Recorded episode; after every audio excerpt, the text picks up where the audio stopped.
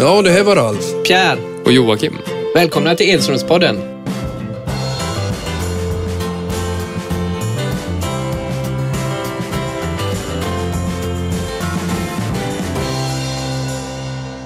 Hej och välkomna till Edströmspodden. Idag ska vi prata om tränare, hur det är att vara tränare och vad vi tycker om olika tränare och så har vi bjudit in en tränare. Eh, det är jag och pappa som sitter här idag eh, och vi eh, börjar väl med pappa, varför har aldrig du varit tränare? Ja, det kan man undra du. Nej, det var så här att 1986 så skilde jag mig och då tyckte jag att jag var tvungen att men hjälpa till att ta hand om barnen. Det var ju du och Jessica då. Så att, eh, och då hade jag redan börjat med radiojobbet 83 så jag kände ändå att jag tappade inte kontakten med fotbollen. Men skulle jag varit tränare skulle jag ju varit inte division 5, division 6, kanske inte direkt i allsvenskan men ganska högt upp och då krävde det ganska mycket tid. Och den tiden tyckte inte jag jag hade. Det var det korta och, det, och sen dess har du inte tänkt på det eller du har, inte, har du fått någon förfrågan? Nej, det har jag inte fått heller. Nej, men jag, man har ju, de har ju fått förfrågan. Jag har fått eh, sådana som har pratat lite med Jag tror själv att jag var ganska taktisk när jag spelade. Så lite frågor har jag fått eh, och, och, och, om, och likadant när man spelade också. Jag vet att vår tränare Ernst Happel, vi har satt ju spelarråd, kunde ibland också snacka lite grann beroende på motstånd, kanske framförallt i Europacupen. Och även då i PSV, att man var med i det spelarrådet som snackade då om motståndarna och hur man eventuellt skulle bearbeta dem. Men hur är en bra tränare? Vad, vad, vad, vad innefattar det? Tränaryrket Det är ju ganska stort och brett idag. Det är ju många arbetsuppgifter där. Vad, vad, vad tycker du är det viktigaste för, för en bra tränare i, i dagens fotboll? I dagens fotboll har de ju så mycket stor stab runt omkring sig. En tränare förr i tiden, han skulle ju sköta både det fysiska, det taktiska och så, hela den biten. Idag har du specialtränare. Vi hade ingen målvaktstränare exempelvis på, på den tiden jag spelade. Så det betyder ju mycket då att han eh, Ja, jag tycker det är viktigt också att han är, är ganska, ganska social. Man måste ändå kunna kräva mycket att spela med. Man måste kunna göra det. De är så högt betalda arbetsmän kan man säga och kvinnor också förresten. Så att man ska kunna ställa krav på dem när man lägger ut mycket pengar på dem och tjänar bra med pengar. Jag tycker en tränare ska vara duktig på att variera sin träning. Jag tycker det ska vara med mycket boll. Det finns konditionskrävande träning, träning med boll. Som man, eh, vi hade bland annat eh, i Standard med, med, med Happel, vi hade sju, åtta mål. Eh, var vi då, eh, hade alltid ett mål för mycket om man säger det, mot vad vi spelade då. Eh, och när man gjorde mål skulle man, någon springa och fånga upp bollen på andra sidan, det var småmål det. Då fick man alltså svingas och springa, annars räknas det inte. Man, man, man lurar sig själv att springa mer och fysiskt om man har bollen med i olika övningar. Och, och det hoppas och tror att det, det har blivit så mer och mer i Sverige också. Det, I Åtvidaberg hade vi inga träningsmöjligheter. Där fick vi springa mitt in i, i, i, i Åtvid med, med, med en kille på ryggen upp för trappor in i samhället. Så att det är lite skillnad på träningsanläggningarna idag och, och mot det var eh, på den tiden jag var aktiv. Ja, och det känns ju som att det är mycket ego, speciellt de som tjänar mycket pengar och då är ju gruppdynamiken, den är ju superviktig i omklädningsrummet också och hur man hanterar den. Eh, det, det är ju mer och mer psykologi i det hela eh, och lära känna de olika individerna. Ja, det är ju men det är ju som det är i samhället också. Det är inte bara på fotbollsplanen. Det blir mer och mer egoism i, i, i Sverige och eh, i världen också tyvärr. Va?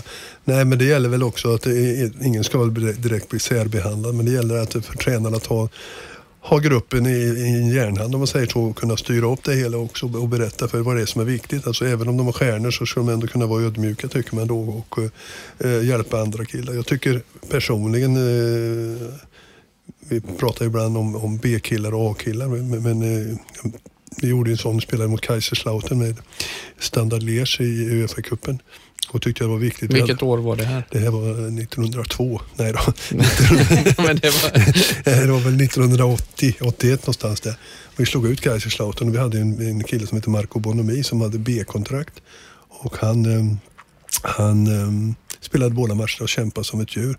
Och så skulle vi få bonus för det hela då. Jag tror vi fick 30 000 kronor var, men han skulle få 4 000 kronor. Och då tyckte jag vi gjorde en bra grej, för jag sa till Erik Scherretz, en ganska känd fotbollsspelare, högerback i belgiska landslaget bland annat. Vi, vi snackade sa till Erik, det här går ju inte. Han har slitit lika mycket som oss över i två matcher. Ska han få 4 000, vi får 30 000. Så vi gick upp till Petit, eh, ordföranden i, i Standard Liège och sa att det är inte acceptabelt är att han ska få det. Så vi, vi, vi, vi förhandlade fram så han fick 30 000. Så när vi gick ner till honom. Så du började din spelaragentkarriär då? Ja, började ja. Nej, men just den känslan att titta honom i ögonen och vi berättade för att han fick 30 000. Men B-kontrakt? Alltså man hade ett A och ett B, då var man mm. B-lagsspelare alltså och inte fick, det är ungefär som lärlingskontrakt? Eller ja, det kan man kalla det för, absolut. Ja. Så var det. Och, och det var olika, där, nu ska vi prata tränare och sånt där, men det var baserat också på, i Lers var det så att man kunde bestämma, jag vill ha en högre månadslön men då tar jag mindre segerpremie. Mm. Men jag var lite gambler så jag tog en mindre månadslön och tog mer i segerpremie. Det visade att man tjänar på det. Eh, för att vi kom två och trea i ligan de två åren jag var där och eh, då gnällde de här som har tagit fast, fast månadslön på att de tyckte de fick för dåligt betalt. Men sa, men ni har ju bestämt det innan. Ni bestämde högre månadslön och mindre segerpremie. Nu får ni skylla er själva. Eh, bäst i klassen just nu när det gäller det här med taktik och, och skydda spelarna, det måste väl ändå vara Mourinho. Var, varför är han så omtyckt av, av egna spelarna men egentligen hatad av resten av världen? Är det så? Ja, lite grann är det väl så. Han har en, en karisma som är utöver det ex, eh, vanliga då. Och plus att som du säger, han skyddar spelarna också väldigt mycket. För tillfället är han väl lite, lite illa ute för att eh, Chelsea började den här säsongen säm, sämsta sedan 1971. Så att, eh, eh men, men eh, jag tycker han har eh, gjort det fantastiskt bra i de klubbarna han har, har varit i också. Så att men det är klart, folk retar sig på. Han är lite arrogant. Men eh, det är ju som du brukar säga, en taktiker. Han, han, han eh, gör ju saker för att eh, dra bort uppmärksamheten från sina egna spelare. Ja. Utspel, han gör lite, ja, men går och, jag vet inte, när han går fram och viskar Pep Guardiola i örat och det, det är sådana små grejer som man tycker är liksom väldigt retfullt. Ja, det kan ju vara definitivt. Han hade väl något med Zlatan också tror jag. Då. Men, men, men, men som sagt, det är hans stil. Eh, han utmanar eh, väldigt mycket då och får mycket rubriker och, och, eh, får det oavsett om det går bra eller dåligt. Men för det mesta är det ju, går det bra för honom i de klubbarna han har varit. Han har gjort fantastiska resultat. Han är ju i Chelsea nu igen. Men han var i Chelsea från 2004 till 2007. De vann sex stycken titlar under de tre åren. Så att det är klart, jag tror det verkar lite så nu som man jag skulle inte förvåna om han går från Chelsea mitt under säsongen nu. Det har börjat väldigt dåligt. Här. Han skällde ut Hazard, bland annat belgaren som var så duktig förra året, förra säsongen. Så det ser ut som att han bygger upp lite grann nu som han vill flytta från Chelsea. Det känns så. Ja, det har ju med taktik att göra också och det är ju Zlatans agent eh, mästare på de här utspelen och, och när man vill röra lite på sig. Ja. Eh, men jag vill knyta an till det här eh, kopplingen till spelare och tränare och, och det har man förstått att det är väl en av Svennis eh, storheter också att han det är personer man, man, man jobbar med. Det gäller att förstå dem och hur de tänker och hur det är med familjen hemma och, och allt som rör runt omkring hela släkten egentligen. Det, det är ju jätteviktigt. Det är ju egentligen där tränaren idag ska ha tentaklerna ute och verkligen känna av hur killen mår. Det är ju då, en spelare presterar ju som bäst när han mår bra. Jo, även Svennis är fantastisk på det måste jag säga. Han är väldigt social då. Och man tänkte då eh, när han flyttade från eh, Göteborg, det var med Benfica, och hur ska det gå för honom när han kommer ner till ganska bortskämda eh, eh, proffs eh, som är, tjänar mycket pengar. Men han har gjort det fantastiskt bra, både i Benfica, kanske hans främsta framgång var i Lazio, som eh, bland annat han Scudetto med och cupvinnarcupen vann väl där också. Så att, nej, men det är viktigt då att, att man kan motivera också varför man, man sidsteppar en kille. Att han inte den här matchen, det ska han kunna säga, det, den taktiska biten är så här och då tycker jag bättre att vi spelar med den här killen istället för det. Ernst Happel, eh, som jag beundrar mycket, eh, tränade mig i Standaler. Vi hade spelat två matcher då, eh, ganska hyfsat.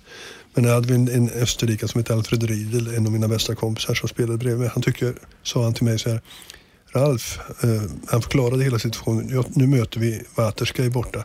Jag tycker så här, ni är ganska lika i spelstilen. Därför sätter jag då dig åt sidan nu. Så Alfred Riedel får spela där framme. Vad säger du om det? Vill du hänga med till matchen eller vill du sitta på bänken? Ja, men jag vill, hoppa, jag vill sitta på bänken så jag har möjlighet att komma in. Så börjar matchen och vi leder med 1-0 och så säger Happe till mig i paus. Ralf säger han så här, eh, du hoppar in i andra. Det här grejer vi, sa han. Jag kom in i andra och gjorde två mål och vann med tre. Så att, eh, jag gillar sådana tränare som vågar tidigt ta initiativ och också kunna förklara varför jag inte spelade den här matchen. Vi spelade match mot Standard Liège, det var en mot FC Liège i derbyt. Han hade tänkt sig en taktik där. Men så ser han helt plötsligt att den ena, den som spelade, skulle spela på mittfältet, han spelade inte i den position som han skulle punkta honom med, med våran, eran ön eller med våran turk. Utan han spelade mittback. Det tog en kvart så ändrade han systemet. Han plockade bort den där som skulle punga. efter en kvart var han ute. Men han förklarade för honom också att de spelar inte som jag tänkt mig. Därför fick du bara spela en kvart och så satte in en offensivare spelare. Jag gillar när tränare tar tidiga initiativ. Jag tycker att tränarna nu för tiden är väldigt, väldigt fega när det gäller att byta spelare. De får en tio minuter, en kvart på sig, då hinner du inte göra någonting. Man måste kunna byta tidigare i matchen också och kunna förklara också varför man gör det. Nej, och det har ju också med att en tränare är ansvarig för hela truppen och det är väl egentligen där jag har eh, lite dåliga erfarenheter när man hamnar i så kallade frysboxen och inte får förklaringar. Eh, det är ju den tränaren som, som inte, han måste ju ha med sig truppen hela året för eh, slitningar i omklädningsrummet är ju aldrig bra. Eh, och, och, det är som man säger, en, en tränare har bara elva vänner varje match och, och det gäller att hantera de andra spelarna också. Ja, det gör ju det och är det någon som visar framfötterna på träningen och gör väldigt bra från sig så tycker jag också att man ska få chansen. Men det är klart, har du ett lag som fungerar match efter match det går bra och de vinner, då är det väldigt svårt att plocka bort en spel och sätta in en annan. Om det inte är för någon taktisk drag han har tänkt sig då. Så det är inte lätt att vara tränare och, och hålla kanske 20-25 man, som vissa strupper finns, att hålla om på gott humör. Det är inte det lättaste. Därför tyckte jag det var så imponerande hos Sven i de här italienska, portugisiska klubbarna.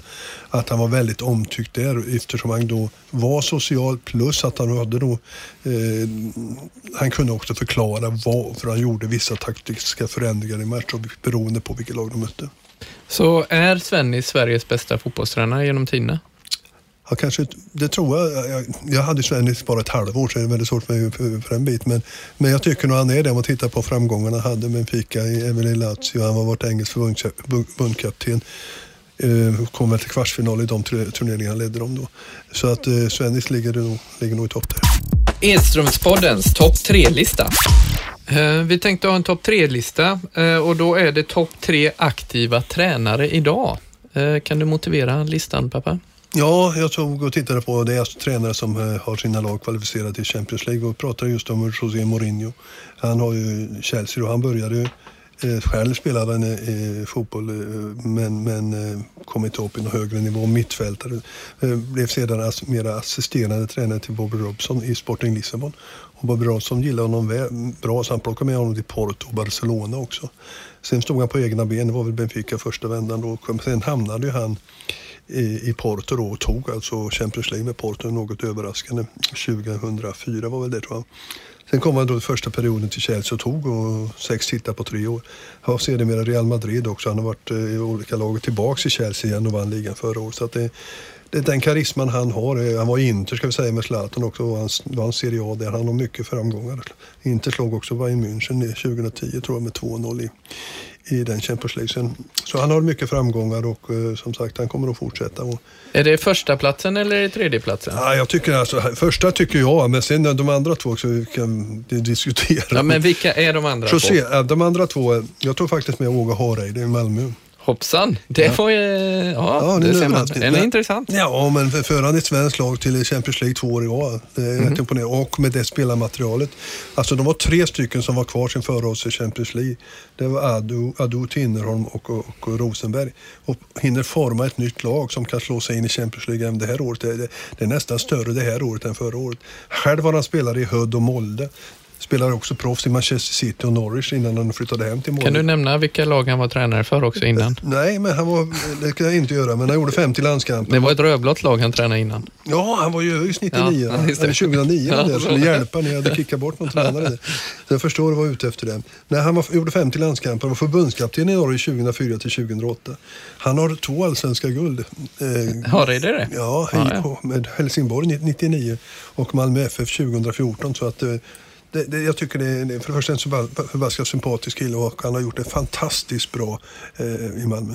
Och så vill vi ha tredjeplatsen också. Ja, det är, det är en kille som har en otrolig vilja. Diego Simeone. I, i, i den frisyren han ligger inne med, den är ju ganska, man blir ju rädd bara man ser den. Jo, men han var sån på plan också. Han är i Atletico Madrid där och uh, eh, 106 landskamper gjorde han faktiskt. Uh, han var, var ju spansk med, han är alltså dubbel spansk med som spelare och som uh, tränare. tränare. Och, och han var ju nära att knipa Champions League-titeln också. Det var ju ytterst nära mot eh, Real, Madrid där i våras. Han, eh, nej, jag tycker han har gjort det lyftet. När han kom till Atletico Madrid så var de på väg nästan att åka ur. Så han har gjort ett, ett riktigt lyft i Atletico Madrid. Jag beundrar Diego Simeone väldigt mycket. Han spelade själv i faktiskt början i Italien var det Pisa. Sen var det Sevilla, Atletico Madrid, Inter och Lazio. Och han, eh, nej, en fantastisk tränare. Det är beundransvärt det han har gjort med Atletico Madrid. Den något utdragna topp tre-listan idag alltså. En på etta plats José Mourinho, tvåa Åge Hareide och trea Diego Simone.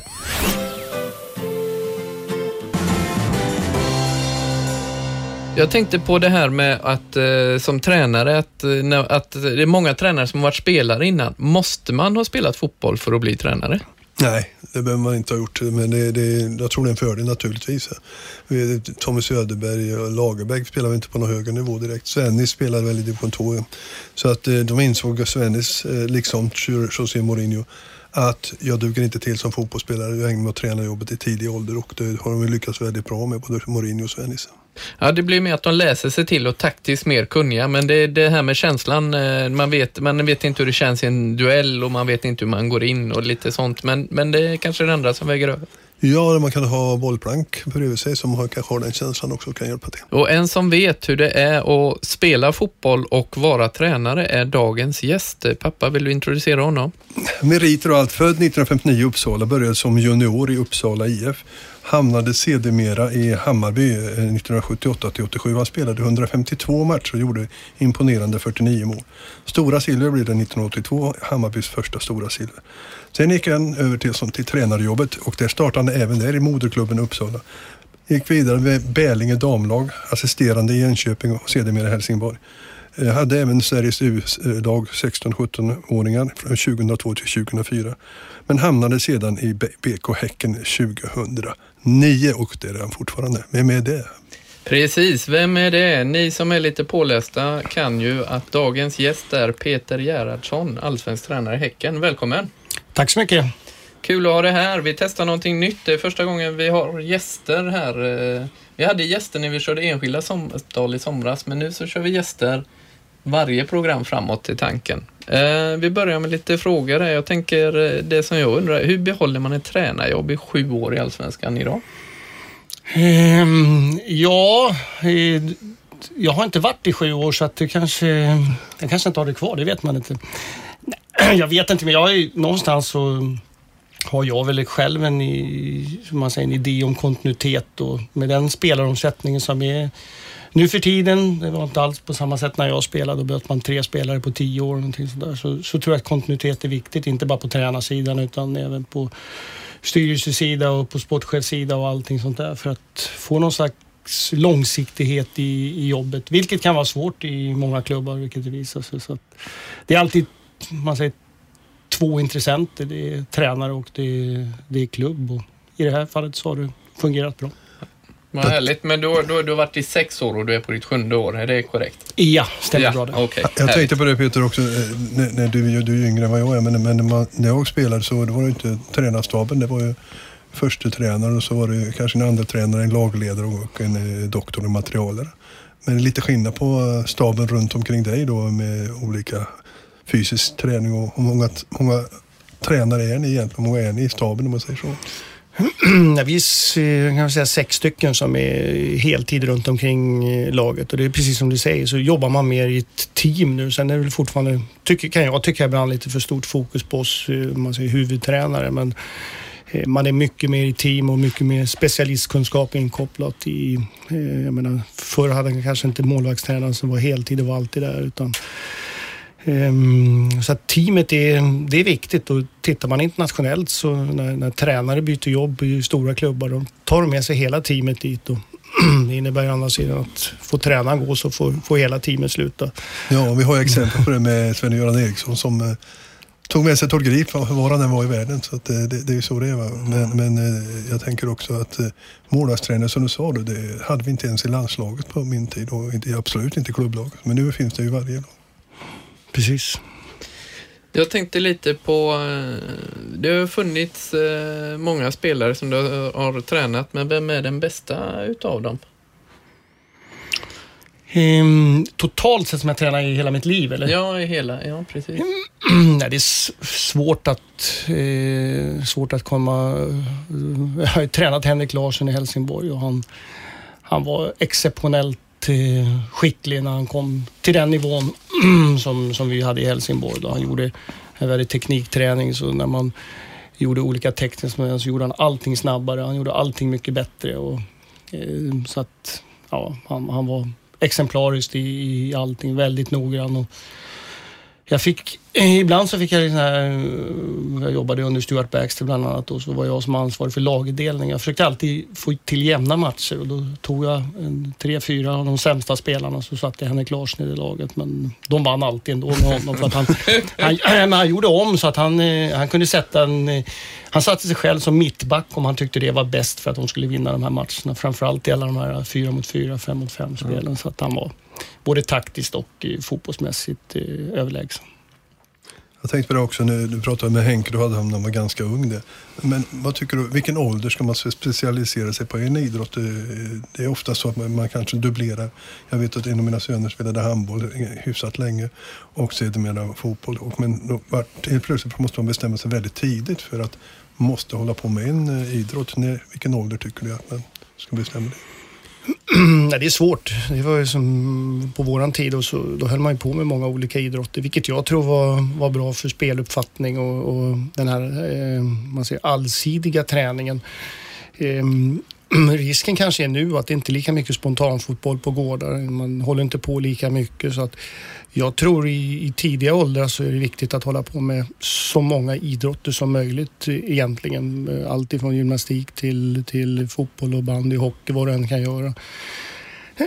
Sen når du säkert en nivå som ligger lite tidigare nu och att eh, det tar mer tid. Och det är svårt att säga exakt eh, för det handlar om var du bor och vilka möjligheter du har. Men när du kommer upp på 15-16 så börjar det säkert bli så väldigt mycket i, i just fotbollssammanhang så att eh, det finns nog en skärningspunkt någonstans där som är tydligare nu än vad det var förr i tiden. Ja, ja men det är ju så. Det, man, de måste specialisera mycket tidigare också. Men jag tänkte också, du, du har tränat en ganska lång tid nu. Har, har du några förebilder som tränare som du tänker, det, det här tycker jag är bra, det här eh, spel, i spelet eller taktiskt eller hur som helst. En, en tränare du har tittat lite extra på. Ja, det blir, det blir... Jag försöker leva ganska mycket i, i nuet och titta på och söka nya eh, inspirationskällor. Sen har man allt ifrån man spelade själv har man med sig saker. Och, Eh, man blir aldrig färdig, man blir aldrig klar som tränare. Det är inte så att man har, även om man har gått alla kurser eller tittat mycket fotboll och haft tränare så, så blir man aldrig klar. Det finns hela tiden nya saker att upptäcka. Och, ett lag i, i våra som jag upptäckte här och som jag tyckte var, spelade intressant. Det var Fiorentina under Montella som spelade en, tycker jag, en väldigt sevärd och, och effektiv fotboll så att de började följa. Och jag följde Marseille under Bielsa. Och, så att jag, även om de inte kanske påminner om varandra i, i exakt i spelsätt så, så tycker jag att eh, det finns många intressanta lag att följa. Jag kan fastna ibland för, för något något sånt här lag som jag tycker att det här är intressant. Och det behöver, sen följer jag ju Arsenal som är favoritlaget men jag kan mer ibland bli frustrerad för att jag är supporter än att jag kan titta analytiskt. Och då kan jag lite lättare kolla på Marseille och på Fiorentina. Nu är Bielsa och Montella borta så att eh, får jag försöka söka lite andra lag. Ja, jag tänkte på VM 2014. Man, man ser ju också hur spelet utvecklas naturligt. Det blir mycket snabbare och bättre passningsspel. Men finns det några taktiska grejer som jag tyckte eh, 2014 att många då drog ut mittbackarna långt ut. Tog ner en Mascherano exempel, går ner i mitten, duktig passningsspelare och lyfter upp ytterbackarna ganska. Finns det några andra grejer som du har lagt märke till som har förändrats i, i fotbollen de senaste åren? Ja, men det, det, är lite som du säger, att man, jag tycker att det har blivit en mer offensiv touch. Alltså allt ifrån eh, Premier League som förut var, nu tycker jag de här lagen längst ner i botten är, är eh, också väldigt spelande. Jag tycker det syns på allsvenskan också att det, det finns en, en, mer trygghet i, i det egna passningsspelet. Och, Ehm, det tycker jag visar allsvenskan i år att eh, även Åtvidaberg, ditt gamla lag här som ligger långt nere, så när man ser dem mot AIK senast, de, de det är jämna bollinnehav och chansmässigt ganska jämnt. Så att, eh, det finns en, tror jag, en annan attityd både bland spelare och tränare till att eh, bli mer passningsorienterade och ibland kanske prata försvarsspel i form av återerövring i aggressivt försvarsspel istället för lågt och, och passivt och, och, styrande och så vidare. Så det är väl lite sånt jag tycker är intressant med utvecklingen som är. Ja, men det låter ju jätteintressant och då tänkte jag att jag hänger kvar lite med de här eh, svenska tränarna och sådär. Vem är den bästa svenska tränaren genom tiderna enligt din eh, åsikt och varför? Ja, det är svårt. Alltså, eh, man, jag tror som, som man återkommer till man, som spelare eller tränare, det, det, blir någon som man har jobbat med, som man har verkligen kunnat eh, veta mer om eh, hur träningarna bedrivs och så vidare. Sen kan man tycka då att resultat påverkar, men jag har väldigt svårt att uttala mig om en sån som Svennis, som jag har sett, och, och, men, men jag vet inte eftersom jag inte haft någon. Så att för mina, mina förebilder det är egentligen som spelare Bengt Persson som jag hade i Hammarby som var en väldigt bra ledare och eh, Bosse Pettersson som jag hade i Vasalund som spelare när jag var lagkapten där och som jag hade som eh, kollega och assisterande tränare i Enköping som jag har följt under många år. Och, eh, sen även Stuart Baxter i Helsingborg som var väldigt taktiskt eh, skolad och, och väldigt eh, ehm, duktig på att få, få gruppen att eh, fungera. Så att det, det, det är mer de som jag tycker har, har varit mina förebilder och som jag tycker jag, eh, jag vill gärna sno deras bästa egenskaper. Jag hade ju faktiskt Bengt Persson när jag spelade juniorlandslaget. Jaha, okay. Då var han förbundskapten där. Jag tänkte, du var ju förbundskapten för U16 och 17. Utav de killarna du hade där, eh, vilka, vilka, känner vi igen och vilka eh, har gjort bra ifrån sig senare efter sen du tränade? Mm, ja, framförallt eh, kanske Sebastian Larsson som jag tycker med, med en, eh, som var en väldigt karaktärstark spelare som eh, hade en samling i Finland, min första landskamp med de här 85-landslaget. Och då frågade jag ute bland spelarna om det var någonting som vi kunde bli bäst på i, i det här laget jämfört med de andra. Jag hade lite en idé om att det kunde vara omställningar eller någonting sånt där. Inte, och då Sebastian räckte upp handen direkt och ja, så innan jag knappt hann ställa klar frågan. Vad, vad Sebastian, vad kan du bäst på? Allt, sa han. Allt. Så det fanns liksom inga begränsningar och han, han ledde verkligen det här 85-landslaget. Så att han är en av dem. Rasmus Elm hade jag bland 88 som var en väldigt spelskicklig spelare som gjorde några landskamper till och med som inneback. Och då, Smart ty Då tyckte de att han var, han såg ut som Mattias Sammer sa de. Att, ja. så att det, Hårfärgen. Ja. Lite rödlätt. Men, det, men det, det, var, ja. Jonas Olsson hade u landslaget som spelade i West Bromwich som var en både bra ledare och uh, bra spelare. Så att, uh. Jag tänkte också på en helt annan sak Peter, en, en, en helt annan sak. Uh, tittar man då, du har ju varit i Helsingborg, men det är väldigt många tränare idag som är, om vi säga, är utbildade. P.O. Jung, Roar Hansen var där, Hans Eklund och även Henka Larsson kan vi ta med. Som Peter kommer, Svärd. Och Peter Svärd naturligtvis också, som kommer från Helsingborg. Vad, vad, vad beror det på tror du? Det är en väldigt bra skola för det är väldigt tuff fotbollsmentalitet där. Att, eh,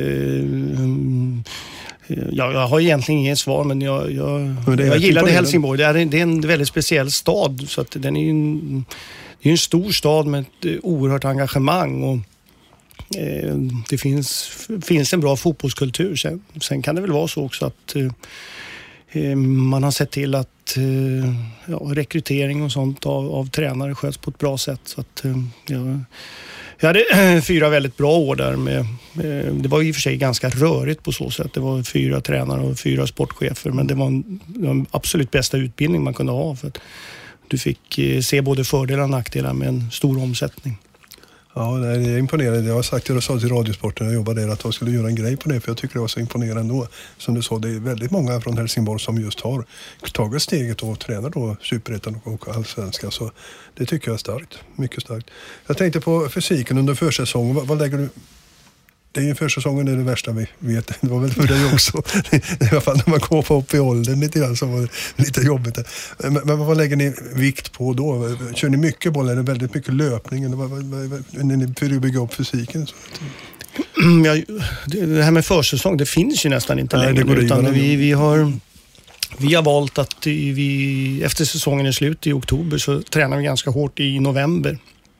Och sen i december så är det ledigt men de har sina individuella program och nu är ju fotbollen ett jobb och det är en konkurrenssituation. Så att när vi kör igång testerna här med både fettmätning och där har vi ganska tydliga mål i jojo-test så, så är spelarna redo egentligen för att inom några veckor spela fotboll. Och det är lite så vi vill ha det också så att man snabbare kan komma, komma igång med fotbollsträning. Ehm, det vi försöker, jag vet många mer lag jobbar med, det är att öka på antalet maxlöpningar. Alltså att eh, göra fullfartslöpningar under, ja, mer sådana under match, vilket jag tror är viktigt för tempot i fotboll och då krävs det naturligtvis en bra grundfysik, men spelarna är inte som på våran tid och när man var ledig så var man ledig, utan nu, nu tränar de. Och mm. det, jag, jag, tror i alla fall så för dig också. Ja, absolut, absolut, absolut.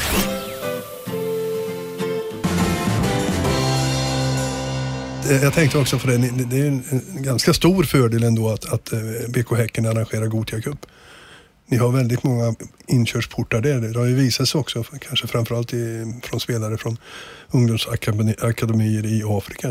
Eh, det, det, är klart det måste vara en fördel för Häcken att ha sådana bra kontakter genom Gothia Cup och, och pengarna också naturligtvis. Ja, nej, men det är, en, det, det, är en fantastisk turnering och jag måste säga varje vecka när man, man går omkring och, och tittar så är man väldigt stolt att, att förknippas med Gothia Cup och BK Häcken. Alltså det är en, om man nu ska kalla det för sponsor, så är det absolut bästa man kan ha. Det andas fotboll och det genererar pengar till, till hela stan så att det är en det är en väldigt bra verksamhet som de här människorna har byggt upp under, under många år. Och eh, sen finns det lite olika, som Boris Majid som vi, som vi hittade så hade vem som helst kunnat hitta den egentligen. Men det var våran kanslist Thomas Olsson. Hans son stod i mål i ett av de här lagen och de mötte en forward som, som spelade i den här skolan som eh, Boris var i då från England. Och det, han ringde och sa att det finns en väldigt bra spelare i ett lag här från England. Och så ringde de om Sonny och så åkte Sonny och tittade. Så ringde Sonny mig och så åkte jag och tittade. Och så, ja, men han, det här såg bra ut. Men det hade lika bra kunnat varit eh, Göteborg eller någon annan som hade mm. upptäckt honom. Så att det, det handlade mindre om att det var, att det var BK Häcken mer än att ja, den här att Thomas Olssons son varit målvakt i det här laget. Så, att, så, så små är marginalerna ibland. Nej, man reagerar ganska, eh, vi säger då BK Häcken då i alla fall, eh, de tog över då då låg inte Häcken i allsvenskan. Eh, att inte Blåvitt och, och de andra allsvenska lagen i Göteborg då fattade det. När Kim Källström och eh, Tobias Hysén hamnar i BK Häcken och inte kommer över till andra sidan älven till ett allsvenskt lag utan båda hamnar uppe i Stockholm. Det är, det är dålig scouting tycker jag från Göteborgs allsvenska lag på den tiden. Det måste det vara starkt gjort av Häcken att hitta två sådana godbitar. Ja, jag var, inte, lite tidigare. nej, jag, var inte, jag var inte med då så att jag... Nej, men det är imponerande. Jag, jag vet inte. Nej, men så är det. Och det är en, just den här biten, scouting-biten, den är oerhört svår och komplicerad. Och man måste ha, eh, tycker jag, en väldigt respekt för det. Det, är väldigt eh, svårt egentligen att, att hitta rätt hela tiden och det gör man inte. Så, historiskt sett så tittar man på klubbar så finns det nog både, både bra och mindre bra. Sen handlar det naturligtvis även där om resurser och, och, och skicklighet. Manchester United är ett exempel nu som när man läser hur de säljer och köper spelare då är det på en helt annan nivå än vad vi är i Sverige. Så det, eh, det, är inte, det är svårt. Men, som du som tränare, ni har, du har ju staben runt omkring dig. Men vilka egenskaper tittar du på först hos en spelare? Eh, ja, karaktären, eh, snabbhet, teknik, eh, fysik? Eh. Ja, man kan säga att man, man vill ha en bra fotbollsspelare. Mm. Alltså det, det är samlingsnamnet på det man tittar på. Där, där innefattar allting här. Du, du kan ha en... Eh, det handlar ibland om spetsegenskaper i, i Eh, Eh, positioner och vad, vad, man vill ha. Allt ifrån att eh, man vill ha en vänsterfotad inneback till att man vill ha väldigt speedig högerkant och så vidare. Och sen väger man in de här karaktärsbitarna. Det finns ju enormt mycket spelare på marknaden och när man då, då checkar man ju av alla de här sakerna i, i det hela. Men det är svårt att sätta att den här egenskapen är, är viktigare än någonting annat och mycket beroende tycker jag på att allting går att utveckla. Förr sa man att speluppfattning inte går att utveckla men eh, det är ju klart bevisat att det går att göra det. Och, eh, så att, mm, väldigt, väldigt komplext men bra spelare det, det, det vet vi vilka det är, men det kan vara lite olika kvaliteter i det hela. Fast det kostar mycket också. Kan det göra. Ja, det är Pengarna bättre. idag är enorma, så det är fruktansvärt. Det här fönstret har ju varit öppet nu. Det, det är otroligt många miljoner som spenderas på spelare. Det, det, det har gått för långt helt enkelt. Gareth Bale från Real Madrid eventuellt till Manchester United. Det pratas om att han eh, tackade nej till har 900 miljoner, eller en, en miljard för att köpa loss en sån. Så det är för mycket pengar. Eh, Men som sagt, Häck- Häcken står sig bra, inte i konkurrens med Real Madrid, men ekonomiskt sett är det väl de som står sig bäst efter Malmö FF som nu har ju ganska tjock plånbok efter avancemanget i Champions League.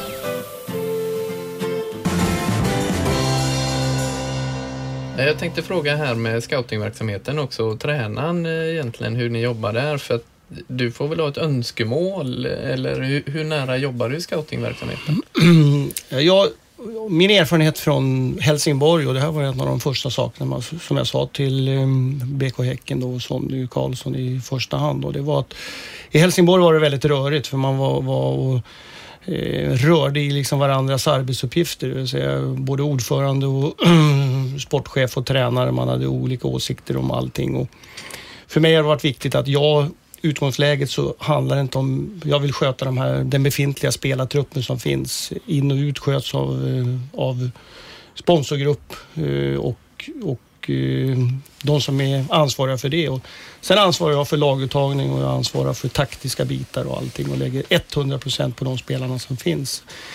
Ehm, och det innebär att jag har ingen kontakt överhuvudtaget med agenter. Alla eh, eventuella telefonsamtal, eh, mejl, förfrågningar, det skickas vidare. För att det handlar, det handlar sen om en, en selektering av budget, av, av hela den biten. Och det är lite skillnad tycker jag på tränare och manager. Alltså man kan ha som Janne Andersson i, i Norrköping, ha managerroll och då har man allting. Men jag, vill, jag vill verkligen vara 100% på plan och eh, lägga 100% fokus på de spelarna som finns just nu.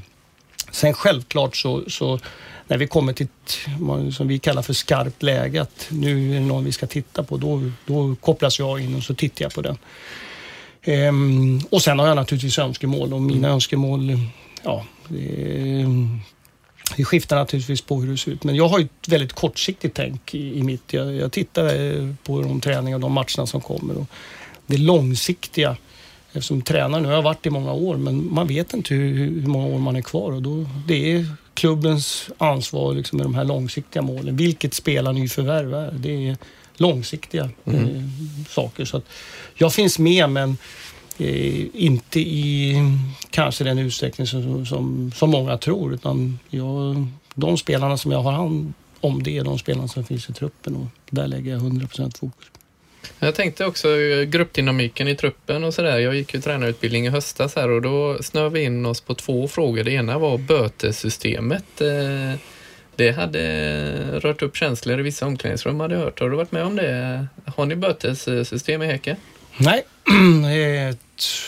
det är, ingenting som jag förespråkar. Alltså, precis tvärtom. För att vi hade några situationer i Helsingborg där det var, det var någon yngre spelare som fick böter. Det var halva hans månadslön som rök när han kom för sent till någonting. Och då väckte jag frågan till någon av de bäst betalda och sa att jag kom med ett förslag då så att vi skulle Eh, utifrån vad man hade för lön så var det procent man skulle betala. Men det var inte så populärt bland de här spelarna som tjänar bra utan de tyckte liksom att det skulle vara en summa.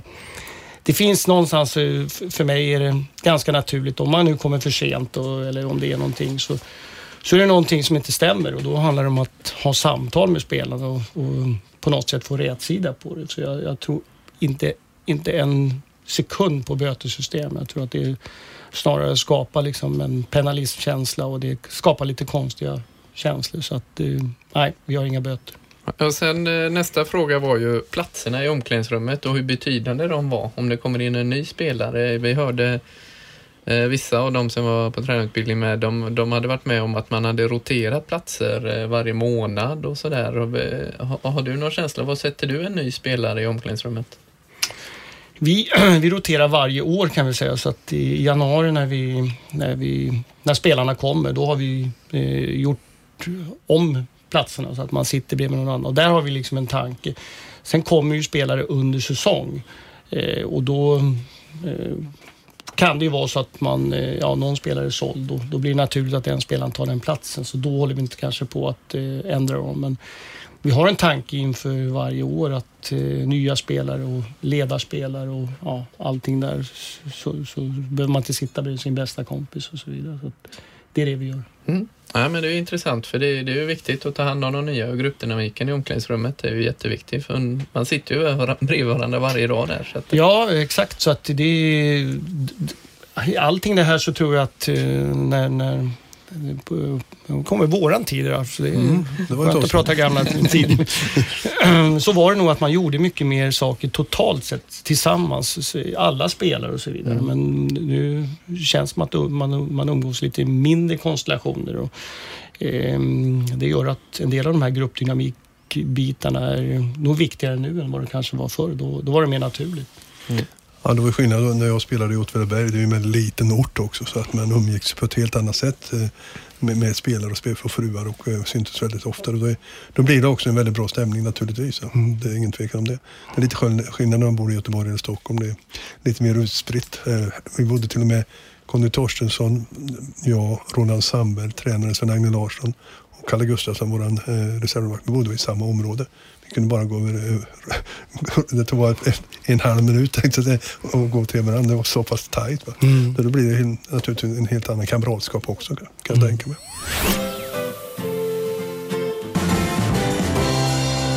Eh, jo, en annan fråga är ju i eh, omklädningsrummet, det är ju eh, de äldre, hur de tar för sig. Jag vet förr i tiden var det väl vanligare med att man skulle putsa skor och, och hämta in bollar och lite sådär. Hur, hur fungerar det hos er idag? Nej, jag får putsa mina skor själv kan jag säga. Så att, eh, nej, ing vi, har, vi har ingenting sånt utan eh, exempelvis när det gäller material så eh, finns det inte som det ja, finns fortfarande tror jag i vissa klubbar att de yngre ska ta in materialet och allt. Men om ni, kör, om ni kör en kvadrat då? Vem får ställa sig i mitten då? Det är olika. Vi, vi, har, vi kan alltid, jag kan ibland säga de unga men ibland är det de tunga, ibland är de långa, ibland är de med svarta skor, ibland är de, ja så att det, det Finns det, det någon med svarta skor i, som, finns det kvar? Svarta?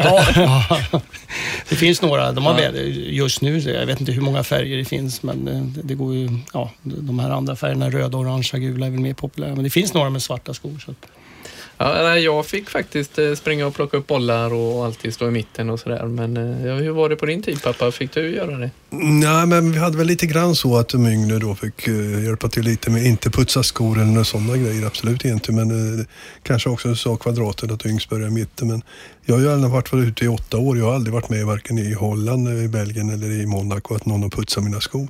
I, I Holland var det så att vi fick alltså t-shirt och, och byxor men var det smutsigt ute och så träningsoverallen fick man ta hem och tvätta själv. Så det var absolut inga sådana lyxgrejer. Så det har inte jag fattat riktigt. Att det ska vara. Och, och i Belgien var det fantastiskt för att i Standard alltså, det gällde att vara först i träningen alltså, för det var inte några fräscha grejer man fick det. Alltså strumporna, vi kallar ju oftast strumporna för golfstrumpor för det var 18 hål i dem. Alltså. Så det var, det, det var först alltså, för att det, det var väldigt dålig kvalitet på de här shortsen och t-shirten och strumporna man fick. Så att man var inte bortskämd där direkt. Nej, nej men, jag fick, ja, men jag fick lära mig, det, och vi var ju då lärlingar så då var man ju liksom inte accepterad A-lagskille ens. Men det, vi var ju alla hål med strumpor, alltså strumpor med hål på var ju bara till lärlingarna. Ja. Så att det var... Ja, jag, jag vet, jag vet inte om det är rätt metod, jag har ingen aning om det. Nej, men det verkar vara bättre idag Peter i alla fall. Det är inte så ja, mycket sånt. Problemet ibland är ju materialet är ibland problem att komma in men det, det handlar ju också om att eh, få spelare att träna extra och så vidare. Då, då, och de yngsta, det är inte alltid de, det är andra som också behöver träna extra. Och tar de in materialet då finns det inga bollar kvar. Så att, man måste lösa det och ibland är det de som vinner spel och ibland är det, har jag haft veckoscheman så att eh, de onumrerar, eller de som har ojämna nummer, de tar in materialet ojämna veckor. Och man, det där får man klura på varje vecka. Och det slutar, mestadels slutar med att det är vi ledare som plockar in eh, materialet. Men det är helt okej, okay, bara spelarna tränar extra. Ja, ja, det är rätt. Jag tänkte också på en sak Peter, du har ju varit med om en hel del i fotboll. Om vi säger ditt mest bästa minne som spelare och det mesta som åskådare. Kan du ta de två? Oj, oj, oj. Nej, men det, det, för mig det är nog svårt att komma ifrån eh, Hammarby och SM-finalen 82. Eh, Inte bara på grund av den, den hypen och den, de matcherna som var mot IFK Göteborg utan Eh, vi är fortfarande eh, 12 gamla gubbar kan man säga. Då. Vi kallar oss för killar när vi träffas, men vi är gubbar. Eh, som träffas fortfarande. Så vi bildade en kompiskartell där 1986. Eh, vi träffas nu i höst. Vi träffas två gånger om året sedan 86. Så innebär att vi har 30-årsjubileum nästa år. Och har du med dig då? Är det Matte Werner? Nej, han var, han var inte med då utan Putte. Putte Ramberg och Mm. Eriksson och Klasse Johansson och Ja, Billy det, Olsson och, det. eh, Goa gubbar. är med där. Så vi valde, var jag, Peppo Holmberg och Uffe Eriksson som tog tag i det. Vi valde ut, inte de bästa fotbollsspelarna, utan vi valde de som var schyssta grabbar. Och Okej. Vi är 12 stycken som hänger med nu och har hemliga resor på hösten. Jag är arrangör i år faktiskt, så att det är bara jag, Det är hemligt jag Suluvatto bara som vet var vi ska någonstans. Jag kan inte avslöja var vi kommer att åka i år, men eh, det blir, det blir en Ja, det blir en exceptionellt eh, tuff resa för, för de här som inte vet det. Och som åskådare då, om vi säger det var som spelare, det du har varit, tyckte du har varit mäktigt själv att varit med och sett eller på, på arenan eller via TV? Eller? Jag har varit på, på nog camp och allting, men jag måste ju säga att jag, eftersom jag är mm, Arsenal-supporter och jag var tidigt där och såg gamla Djurgården, han spelade Ma- McDonald. Ja. Ja, under den, den perioden där. Och det, när, man, när man är i den där åldern, alltså runt 20-årsåldern, 18, 17, jag vet inte vad jag var, så eh, och besökte Highbury som det var då. Så mm, det var, det var fantastiskt kul. Och miljön runt omkring. Så att jag är fortfarande väldigt förtjust i engelsk fotboll. Så är det. Kan jag förstå. Men pappa, du missar ju hela poängen här, för temat är ju tränare, så att jag menar, du måste ju ha den största upplevelsen som tränare, måste vi få höra också. Också, nej, det var ju tre grejer. Ja, ja, okej. Nej, men det, det mm, det har varit...